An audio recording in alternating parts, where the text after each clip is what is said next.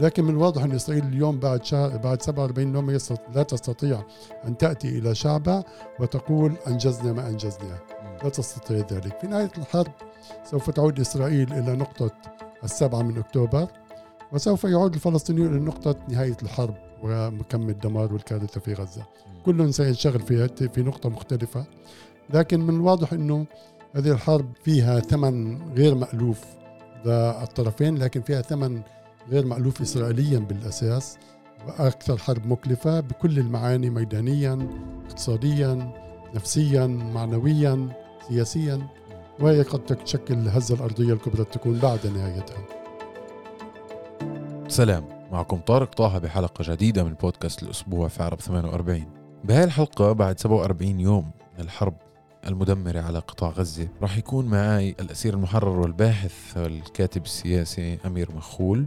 لنتساءل هيك بعض التساؤلات معه ونسمع كيف آه، ينظر لهي الحرب إسرائيليا وفلسطينيا. وقد نتطرق أكثر على الإقليم وعلى الساحة الدولية إن كان معنا وقت أكثر. لكن الجديد في اليوم السابع والأربعين من الحرب هي آه، صفقة تبادل الأسرى والهدنة الهدنة هي مش نهاية الحرب.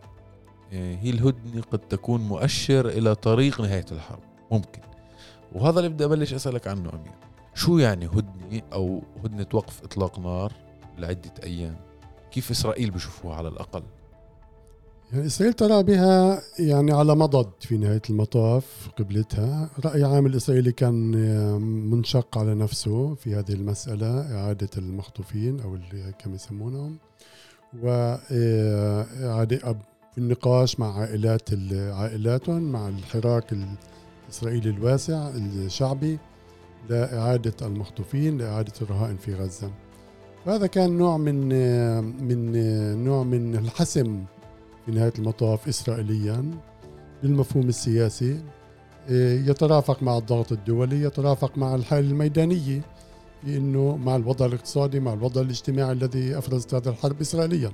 أقصد في هذه المرحلة باتجاه إنه إيه، نوع من أخذ نفس من عقد صفقة هدنه تنزل عن الأكتاف وهذه مصلحة مشتركة للطرفين إنه موضوع الحالات الإنسانية يعني الأطفال الكبار السن ويعني نوع من صفقة. لكنها تعني باعتقادي ممكن نبدأ نرى بها بداية نهاية الحرب لأنه قطع يعني الدافعية الاندفاع اتجاه الحرب هو عامل مهم في آه، في في آه، تهدئة آه، النفس الإسرائيلية التي بدأت باتجاه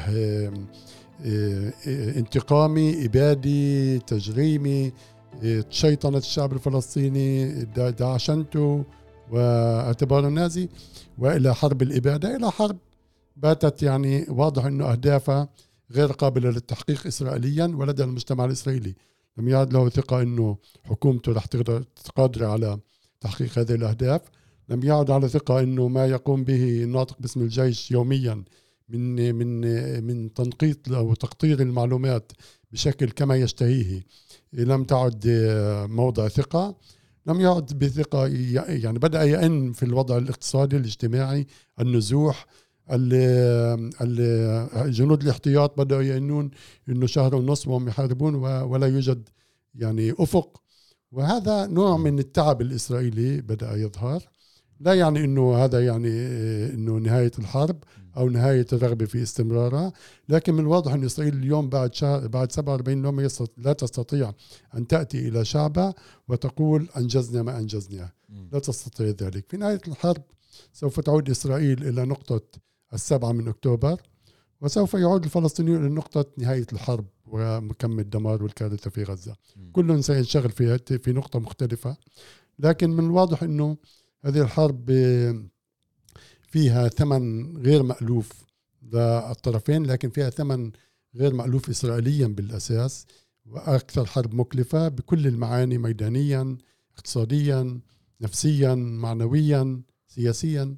وهي قد تشكل الهزة الأرضية الكبرى تكون بعد نهايتها. طيب أمير يعني لما ببداية الحرب بعد كم يوم من الحرب حماس على الأقل المستوى السياسي حكوا أنه خلينا نقول خطف أو أسر المدنيين الإسرائيليين ما كان جزء من الخطة. صار في ثغرات وإلى آخره. وكان في إبداء استعداد بأن يطلعوا المدنيين مقابل آه، أول أسبوع أو أول أسبوعين إنه يوقفوا إطلاق النار عبين ما يجمعوا الأسرى المدنيين يعني الإسرائيليين. لكن إسرائيل أو المستوى السياسي خلينا نقول تعنت أكثر وأعتقد إنه ممكن يحرر أسراه آه، بالقوة. إنه هو يدخل واجتياح برا ويوجد الأسرى موجودين هيك بيستنوه يعني وياخذهن لكن بعديه 47 يوم إنه اتخذ القرار اللي كان بينفع يأخذه قبل 40 يوم آه، اتخذوا اليوم. هذا بحد ذاته بشير إلى يمكن تراجع على مستوى آه، حدة أو وضوح الأهداف اللي وضعوها بالبداية. يعني الهدف الأول كان هو آه، استعادة الأسرى بكل ثمن وبكل طريقة وبعدين القضاء على حماس. في إيش وين هن من اهدافهم اللي حطوها اليوم؟ هاي طبيعة الأمور كذا تم تسير الحروب. يعني لا يمكن أنه حرب تبدأ أنه ثاني يوم يقبلوا لصفقة. يعني لا يمكن. غير متوقع لا من إسرائيل ولا حماس كان متوقع ولا حماس أنا برأيي ما كان يعني إيه، رغم التصريح اللي كان مهم كثير يظهر التصريح هذا لكن ما أقنع الرأي العام الإسرائيلي ولم يكترث الرأي العام الإسرائيلي لما يصدر عن حماس في تلك الفترة. الحرب لم تكن قرارا إسرائيليا فحسب، القرار في في بعد ثلاث أيام كانت حرب أيضا أمريكية في كل معنى الكلمة. كان بايدن عمليا وصل البلاد في تلك الفترة في تلك الأيام يعني خلال يمكن بعد بيوم أو يومين. بلينكن وصل مباشرة إيه، السفن الحربية وصلت مباشرة أو حملات طائرات على المتوسط. الولايات المتحدة قرأت ضعف إسرائيلي كبير واحتمالية إيه، هزيمة معينة وعمليا هزيمة أو نوع من الضعف الإسرائيلي يهدد إيه، طموحات الولايات المتحدة ونفوذها في هذه المنطقة. وهذا حاولت أن تعوض عنه في أنه هذه الحرب يجب أن تكون وتبني تحالف دولي وإسرائيل لم تكن وحدها تحارب في تلك الفترة.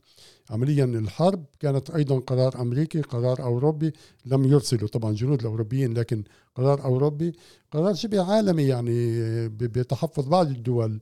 إيه، أنه هذه الحرب يجب أن تكون يجب الانتقام من حماس تدميرها إيه، حرب إبادي.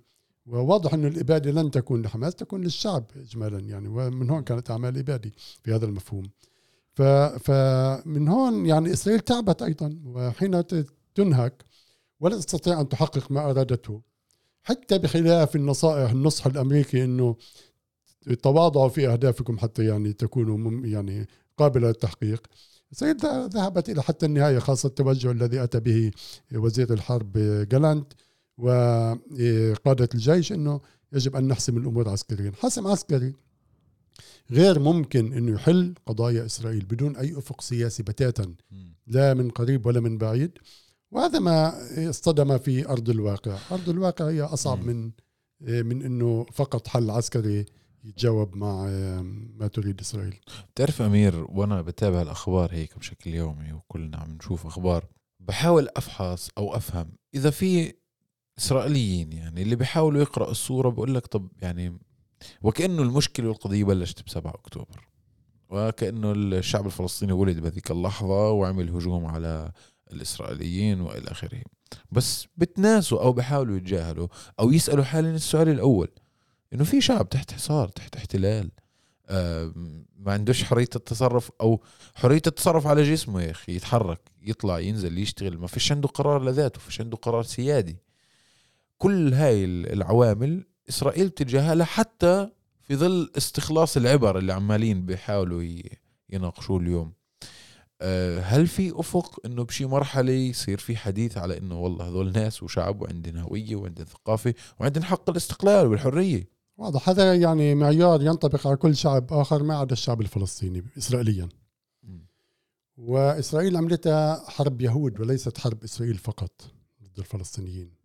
حتى على مستوى الشارع حتى على مستوى الداخل حتى على مستوى الضفة حتى على مستوى المستوطنين.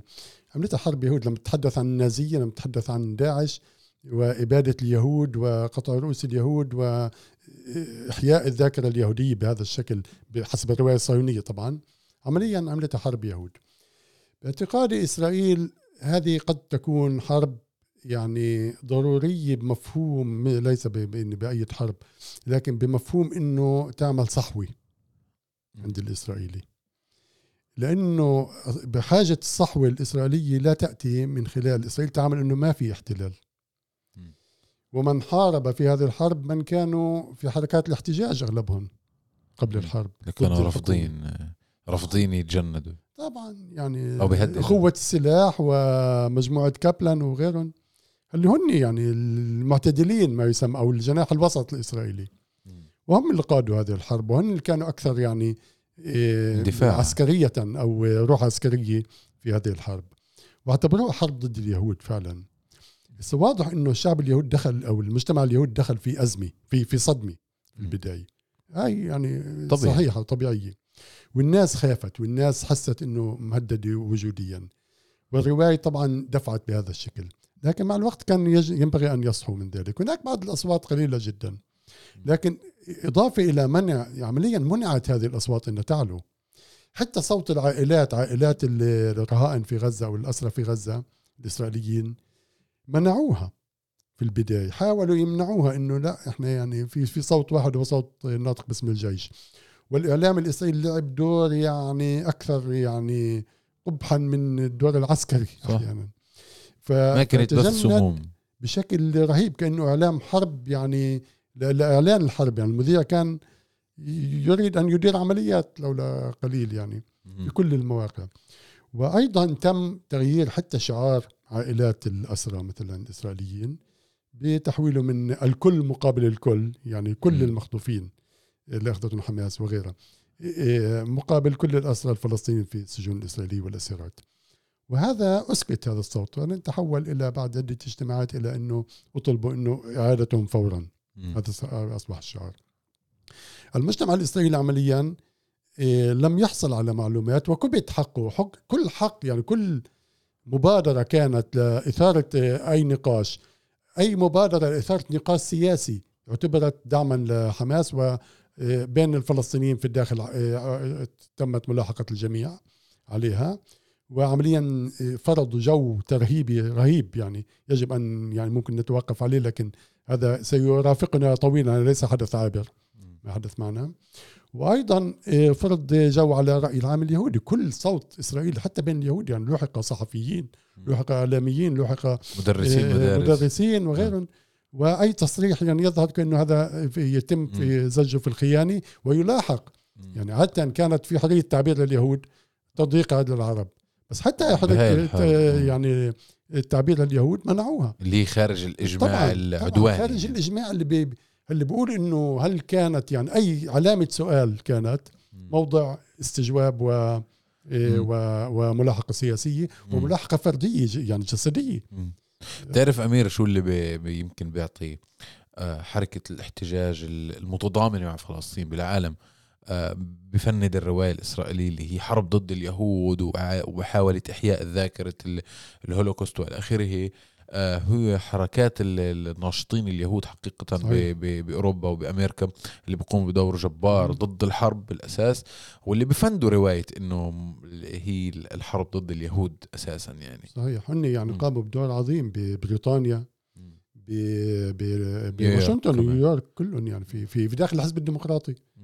كان مهم كثير هذا الصوت.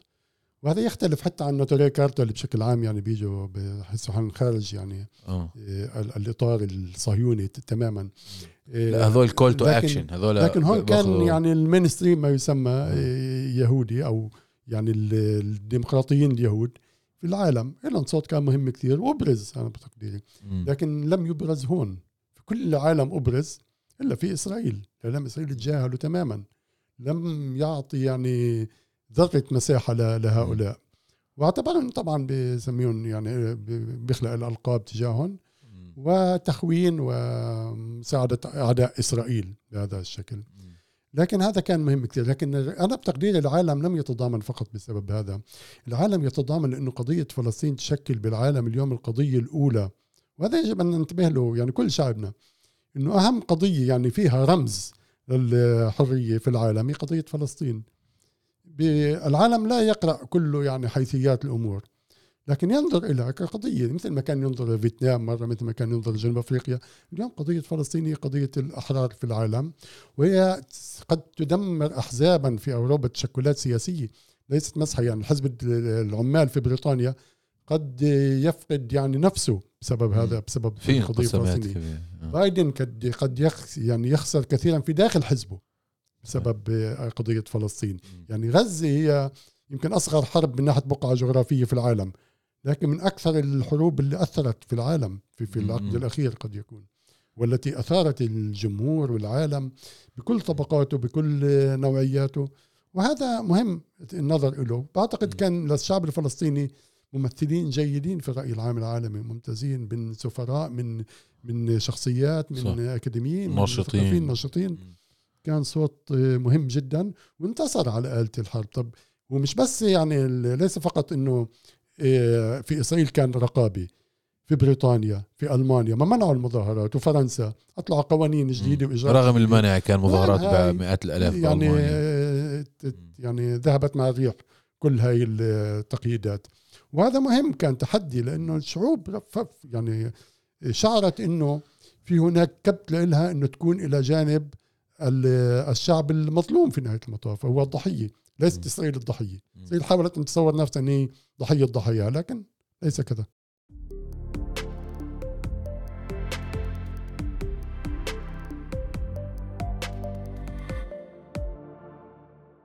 طب آه، أمير حكينا عن هيك الجانب الإسرائيلي ببداية لما حكينا عن الصفقة والهدنة فلسطينيا هيك كيف تقرأ؟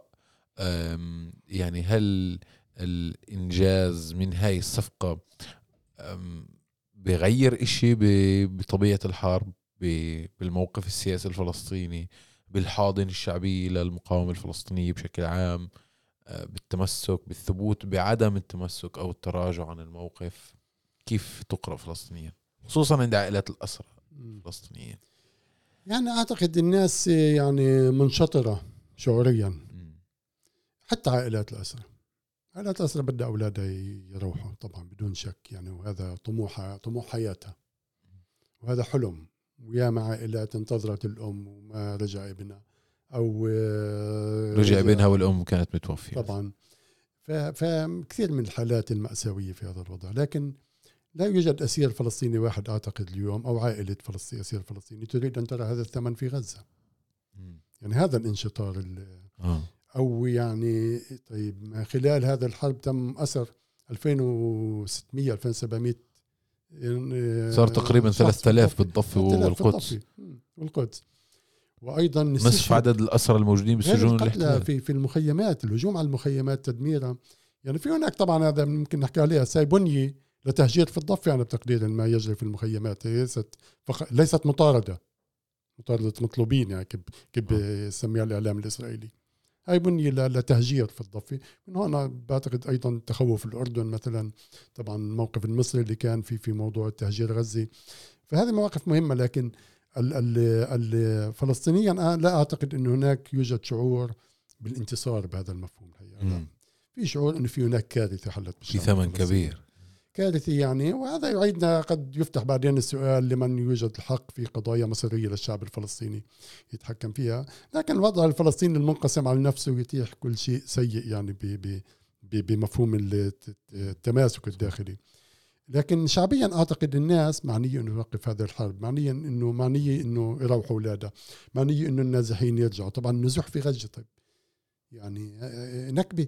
كل معنى الكلمة. صح. نكبة نكبة يعني صورة نكبة وليس يعني إحنا بنتحدث عن صورة. كيف الناس اللي عايشينها كيف الأطفال كيف الناس كيف العائلات اللي انقتلت كلها كيف المستشفيات اللي صار فيها. فهذه واقع بعتقد سوف يفتح كثيرا من الجدل الفلسطيني والحوار وإذا لم يفتح ذلك بيكون مصيبة وضعنا. خصوصا في بعد هيك كل اماكن تواجد الشعب الفلسطيني. إحنا هون لازم نسأل عن وضعنا السياسي. بالداخل إيه، إيه، لكن في, في الأساس لازم يسأل عن الوضع الفلسطيني العام وضمنه. وضعنا آه يعني. العام اولا وبالداخل كمان يعني هي, ممكن طبعاً. ممكن نصلها هيك كنقطة آه. لكن فلسطينيا أعتقد عائلات الاسرى ليست في يعني آه، في نشوة بتاتا بتاتا. ولا من سيذهبون اليوم إلى أو يذهبن إلى بيوتهم. سيشعرون بالنشوة لا هناك شعور إنه في شيء ثقيل جدا وقع على الشعب الفلسطيني لا يمكن التحرر منه. هذا يعني لا لا أعتقد يوجد هناك أسير واحد يقبل بهذا الثمن مقابل حريته. يعني هي نقطة مثيرة اللي حكيتها. يعني بعرف الاسرى صحيح أنت حدا اللي كان مع الاسرى وبعرف كيف بفكروا وقديش عندي المشاعر فياضة حقيقة طبعاً. للي عم بيصير برا طبعا بشكل عام. بكل قشة أمل يعني ل ل ل ل جزيء جزيئية أمل يعني. لكن في هذه المرحلة بشوف الثمن طبعا. بقول إنه لا. هذا ما ما بيقبلوا مع إنه مطلع إذا حدا بيجي كائن فضائي من شي محل بعيد بالعالم يسمع هذا الحديث يعني بيستغرب صح؟ يعني واقعنا غريب إحنا آه. مو كل ال- تناقضات الدنيا موجودة. بدنا نخوض هيك بنقطة أخيرة تقريبا الداخل الفلسطيني حكينا عن المستوى الفلسطيني بالضفة بغزة حكينا عن المستوى الإسرائيلي السياسي والعسكري والحرب والصفقة والهدنة. بدنا نحكي شوي عن الداخل. في حالة كمان غريبة برضو لأنك بتعيش كل التناقضات حتى بالداخل يعني أو بتعرف شو كل التناقضات تتفجر بالداخل حراك ضد الحرب كان في محاولات لكن قمعت مباشرة حتى ضد الحرب قمعت وقبل ما تفكر إنه يصير أي حراك طبعا قمعت أنت على. على الميديا بالتنصت قمعت بالمراقبة نفسي آه آه. واحيانا أنت قمعت نفسك قبل ما يبلش في قمع إسرائيلي شو اللي شو في حالة غريبة في حالة صمت غريبة عندنا. مين المسؤول؟ طلع أنا باللحظة الأولى لطوفان الأقصى الساعة 6 ونص الصبح ب 7 أكتوبر إيه، خفت لما سمعت الخبر. إيه، لما شفت الصور مش لما شفت آه. سمعت الخبر لكن لما شفت الصور وناس وختيارية عم بخذوهم على غزة خفت على مصير شعبنا. فهمت إيه. حجم الحدث. إيه، ودغري فكرت بالأسرى أول إشي وبعدين دغري خفت عليهم أيضا كمان يعني نفس الإشي. لكن بالنسبة للداخل أعتقد إنه إحنا إيه، يجب أن نراجع كل إشي عنا كل شيء لأنه إحنا هذه يعني ما يجري تنفيذه تجاه الداخل من ترهيب من آه، من السيطرة على وسائل التواصل الاجتماعي التي المفروض كانت تكون حرة مفكرين مساحة حرة اكتشفنا إنه أكثر مساحة مراقبة صح. أكثر مساحة إحنا ملاحقين فيها ملاحقين بشو شو في يعني لو كنت بمظاهرة يمكن. الاحتمالات أعلى إنك ما ما لا تلاحظ على شيء آه مم. بس يعني إذا post أو آه، like أو شيء كل شيء ممكن لكن هذه الحالة رسمت معالمها تماما بعد حبه الكرامة يعني من تابع آه، تقييمات الجيش الإسرائيلي اعتبروا انه الداخل كان جبهة إضافية في أي حرب مستقبلية قد تكون معوقة للجبهة الخارجية للجبهات الأخرى ويجب القضاء عليها. وتحدثوا عن قطع إمكانيات التواصل الاجتماعي في الداخل. وعندهم كما يبدو طوروا برمجيات بهذا الشكل. وتحدثوا عن الرقابة عليها. وتحدثوا عن إعادة احتلال البلدات أو السيطرة عليها عسكريا حتى. وعملوا مناورات في. بلدات طيبة. من الفهم كان. من الفحم وغيرها. عملوا مناورات. سموها إنه عم بتمرنوا على لبنان بس هم عم بيتمرنوا علينا. إحنا هيك بنفكر. إيه وعمليا إيه جهزوا حالهم وجهزوا قوة ضاربة قديش يجيبوا قوات لكل بلاد ويزرعوا ويكونوا جاهزين. وعمليا إجت بفترة هاي التنفيذ هذا بفترة بن كفير كله. ف... ف... والشرطة يعني بدأت تتحول نوعا ما. لكن بغض النظر حتى لو ما كان بن كفير باعتقادي هذه السياسة هذه المخططات هي ليست مخططات بن كفير هي مخططات دولة مخططات الجيش والجهاز القمعي.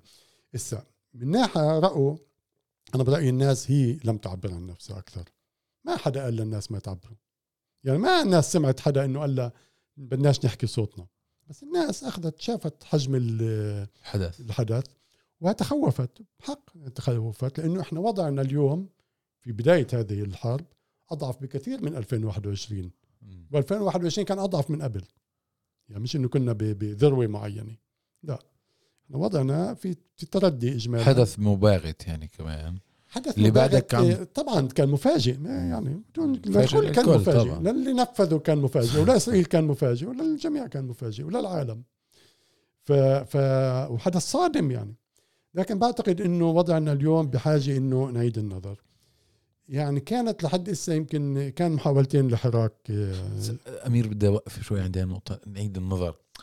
يعني بأي بأي معنى نعيد النظر؟ بشكل علاقتنا شكل الوطن والمواطنة شكل آه، علاقتك مع المؤسسة الإسرائيلية بشكل عام الاكاديميا ال- ال- آه، كيف إيش كيف إن- كل تعريفنا لذاتنا بالداخل. لا لا لا مش تعريفات. أنا برأيي يعني من ناحية هوية سياسية مش. بدنا نتواضع ونحط ال- الشعارات المناسبة لنا حسب قدراتنا. مم. مثلا. مثلا بدنا نكون منتبهين لموضوع الرقابة. هذا اللي رجع هذا لن يكون حدث عابر. يعني استنتهي الحرب نفرض بعد شهرين. لكن لن يعود إنه عندنا حريات فجأة. طب الطلاب الجامعيين الملاحقات هاي الاعتقالات اللي صارت على البوستات لصبايا صغار أو شباب صغار. وتمديد الاعتقال تمديد بعد تمديد بعد تمديد. الجهاز القضائي صار جهاز زي محاكم ميدانية محاكم عسكرية يعني. المحاكم العسكرية ألطف حتى يعني في في في, في العرف الفلسطيني العام. مم. إيه، اللي كل الدولة تحولت الجامعات اللي هي مؤسسة ال- يعني الرمز المؤسسة المدنية تحولت لمؤسسة حربية. يعني تجاه العرب هون في الداخل تكون مخبرة على الطلاب أحيانا مش مخبرة تأخذ خطوات ما هي ما اخذت خطوات على الطلاب لا حتى المحاضرين. حيفا إذا سمعت امير آه, آه سمعت إنه هي كانت الوسيطة بين ال- آه. لجنة الطاعة وبين الشرطة إنه آه. تفضل هذا الطالب آه. تعاملوا بس معه لجنة الطاعة ما هي تابعة إلها صح إلى الجامعة فلجنة الطاعة يعني تحولت لأداة ل... ل... يعني لتدمير لحلم ناس يعني مش شغلة إنه إيش على post اللي ممكن يفسره عميد الجامعة ال rector هذا إنه قد ينطبق على غزة ف... ففي هون كان نوع من من ظاهرة تختلف عن الحكم العسكري أولا الحكم العسكري كان حكم مركزي لم تشارك فيه بالأساس المؤسسات المدنية إلا بقدر ما أرادت المؤسسة الحاكمة أن يعني تراقب المؤسسات المدنية. مثلا مكتب رئيس الحكومة للشؤون العربية كان يشارك في سياسة إدارة. إيه إيه سياسة الجامعات ويوضعها. كان يشارك طبعا في في كل مستوى. لكن اليوم نرى إنه المؤسسة المدنية المجتمع المدني الإسرائيلي هو يسمى أصبح اداه أداة لفتح يعني جبهة حرب مع الفلسطينيين في الداخل. وهو أصبح القاضي وهو المنفذ وهو المتهم وهو كل شيء وهو يقرر يعني هو يعني هو المعيار فبناء على هاي الحالة بدنا بهاي الحالة قراءتنا إحنا لل... بدنا نلتفت إنه ضعفنا بقتلنا في نهاية المطاف. إنه ضعفنا أخطر عدو لإلنا اليوم. أعتقد كانت بارقة مهمة يعني قبل كم يوم في مظاهرة تل أبيب. اللي عملتها الجبهة واللي تحدث فيها سامي أبو شحادي. هاي كانت يعني آه، معنويا مهمة. لأنه هاي ب ب يعني بألفة كان كله. فهي كانت مهمة ك- كظاهرة لأنه ممكن هون ينولد إشي جديد. أنا بعتقد إنه إذا بدنا نحكي نبدأ نبدأ نحكي بعد الحرب على حل القضية الفلسطينية بدنا نتحاور مع اليهود. أطراف منهم طبعا مش كلهم. بس نعزز هذا الحوار. إذا قال لي يعني كل القوى ضد الاحتلال بدها تتفاهم طيب شو شكل الدولة؟ مين بده يدفع تجاه الدولة؟ ممكن يكون هون يا نظام فاشي. يعني ممكن الفاشية ما راحت. ممكن تعود تسيطر على الساحة. حتى بالعكس تتاجج بشوف أنا هيك آه طبعا. بعد هي الحرب. في ارتفع يعني شعبيته. في آخر استطلاع ارتفع من خمسة لستة يعني النسبة له هاي كثير. إيه واعتراضه على الصفقة في الأمس رح يزيد له أصوات بين جمهور معين المعارضين خاصة بين جمهور مم. اليمين أقصى اليمين لكن إيه إحنا بحاجة نجد إذا في هناك أساس لحوار مع أطراف اللي تدفع نحو إيه حل سياسي عادل للقضية الفلسطينية نتحاور بتشوف في. أطراف أجسام- لا لا أجسام فيش. أجسام حاليا فيش أجسام آه لا لا يوجد لا أحكي عن أحزاب بتاتا يعني. ولا عن ميرتس كمان يعني. بدك بهذا الشكل لكن أتحدث أنه في هناك أوساط تصطدم أنه الحل العسكري لم يعد قادر بتاتا أنه يحدث لإسرائيل لا. أمان ولا اقتصاد ولا هدوء ولا والاحتلال بات احتلال لم يعد يعني نزهة هسه طبعا في احتمالية إنه نتورط في الضفة هذه الحرب. لم تنتهي يعني عند حدود غزة. هي حرب بكل معنى الكلمة بالضبط طبعا. كل يوم سبع و10 شهداء و12 هذا شهيد. لكن المخطط أكبر من هيك. يعني نتنياهو يمكن أكثر واحد حذر في إدارة الحرب بالكابينت الموجود. أقل أكثر من جانس وأكثر من جالنت بكثير. جالنت يعني أهوج على الآخر. آه. كان بده يفتح حرب بده يفتح حرب لبنان وبده. يحتل غزة وبده يبيد وبمنش على شيء يعني في النهاية. فعليا. لكن نتنياهو هو الأكثر تحفظا. في الموضوع السياسي بعد ذلك سيكون الاكثر صقرية نتنياهو. في موضوع آه، هل تكون دولة واحدة في غزة أو سلطة واحدة في غزة والضفة لن يقبل. أصعب واحد. آه، الأمريكان بيتحدثوا عن سلطة متجددة. مش معروف شو هوية المقترح تبعهم. كله يقترح ذلك. لكن اقتراح الشعب الفلسطيني لازم يعني القيادة الفلسطينية الفصائل الفلسطينية الأحزاب الفلسطينية هون كل هالقوى هاي المثقفين الاجتهادات السياسية كلها تأتي بمحاولة لوضع آه، تصورات للخروج من الوضع. تصورات كيف تحقق العدالة للشعب الفلسطيني؟ هذه المشكلة. ليس يعني إسرائيل لا تستطيع أن تدعي أن هي يعني مشكلة الأمان في إسرائيل والأمن هي حروبها. هي سياساتها في نهاية المطاف. عدم نظامها. عدم ثقتها بنفسها إنه تقدر توصل لحل معين. وعدم قدرة يعني عدم رغبتها في مواجهة الاستيطان. لكن الاستيطان أعتقد في كل محل ممكن يكون ممكن يزول. يعني يعني هذا ليس أقوى من الدولة في نهاية المطاف. الدولة بعثت له هناك. لكن إن أرادت أعتقد الوضع قد يكون هناك فرص كثيرة. الوضع الدولي مهم. المناصرة الدولية للشعب الفلسطيني مهمة. كثير الشعبية. وهذه كلها مواطن قوة. وأيضا الموقف العربي كان في رفض التهجير في رفض تغيير جغرافية غزة أصبح موقف عالمي. وهذا مهم لأنه بدونه كانت اليوم يعني هو اجى كموقف أمريكي في البداية. الولايات المتحدة تحدثت عن إخلاء إلى سيناء. لكن حتى أصبح اليوم هناك نوع من الجدار مقابل ذلك كله أو السد المنيع. وهذا يجب أن يعزز. يعني وهذه حالة مهمة. أحيانا الهدف يكون فقط الصمود وليس يعني تحقيق إنجازات كبرى في داخل هذه الحرب. لأنه حرب دمار شامل الشعب في غزة دفع ثمن لا يمكن وصفه لا يمكن وصفه صحيح. وأعتقد لا يمكن تعويضه. صحيح. طيب هيك بدنا ننهي. أمير ملاحظة أخيرة أو سؤال كثير سريع.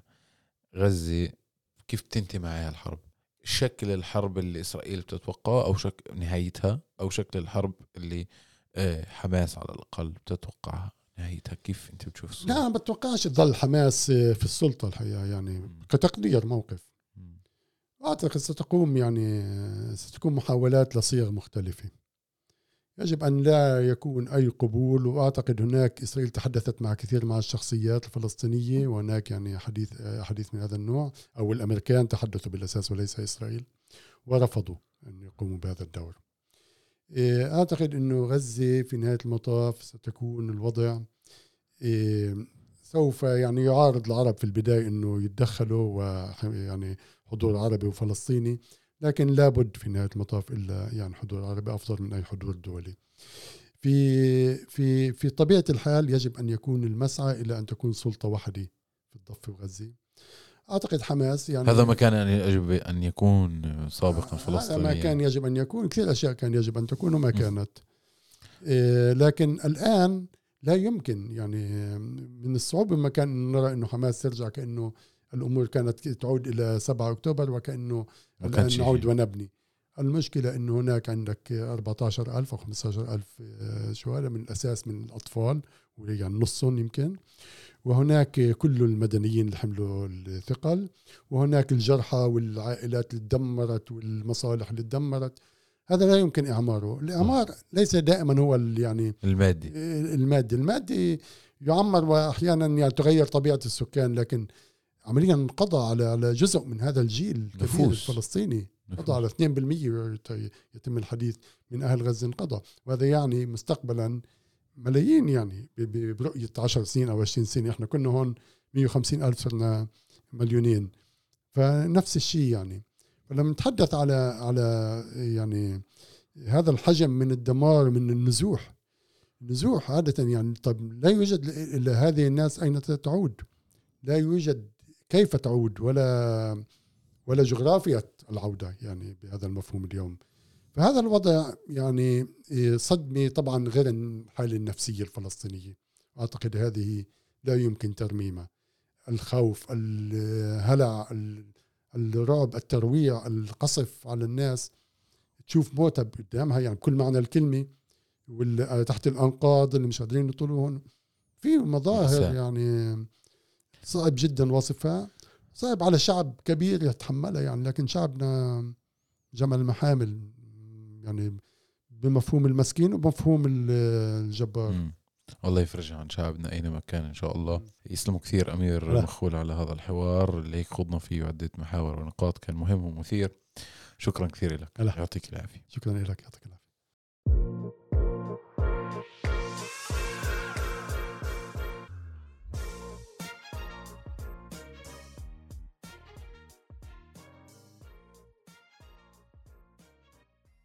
طيب أعزائنا المستمعين هيك بنكون وصلنا لنهاية حلقتنا من بودكاست الأسبوع في عرب 48 بدي أطلب منكم طلب اللي لسه ما عملناش متابعة على منصات البودكاست المختلفة Spotify Google Podcast Apple Podcast تنسوش تعملوا لنا متابعة اسا اعملوا لنا متابعة كثير بيساعدنا. تنسوش تبعثوا لنا مقترحاتكم وملاحظاتكم على الحلقات السابقه وعلى مقترحات لحلقات قادمة. وللاسبوع القادم لقاء آخر. يعطيكم العافية.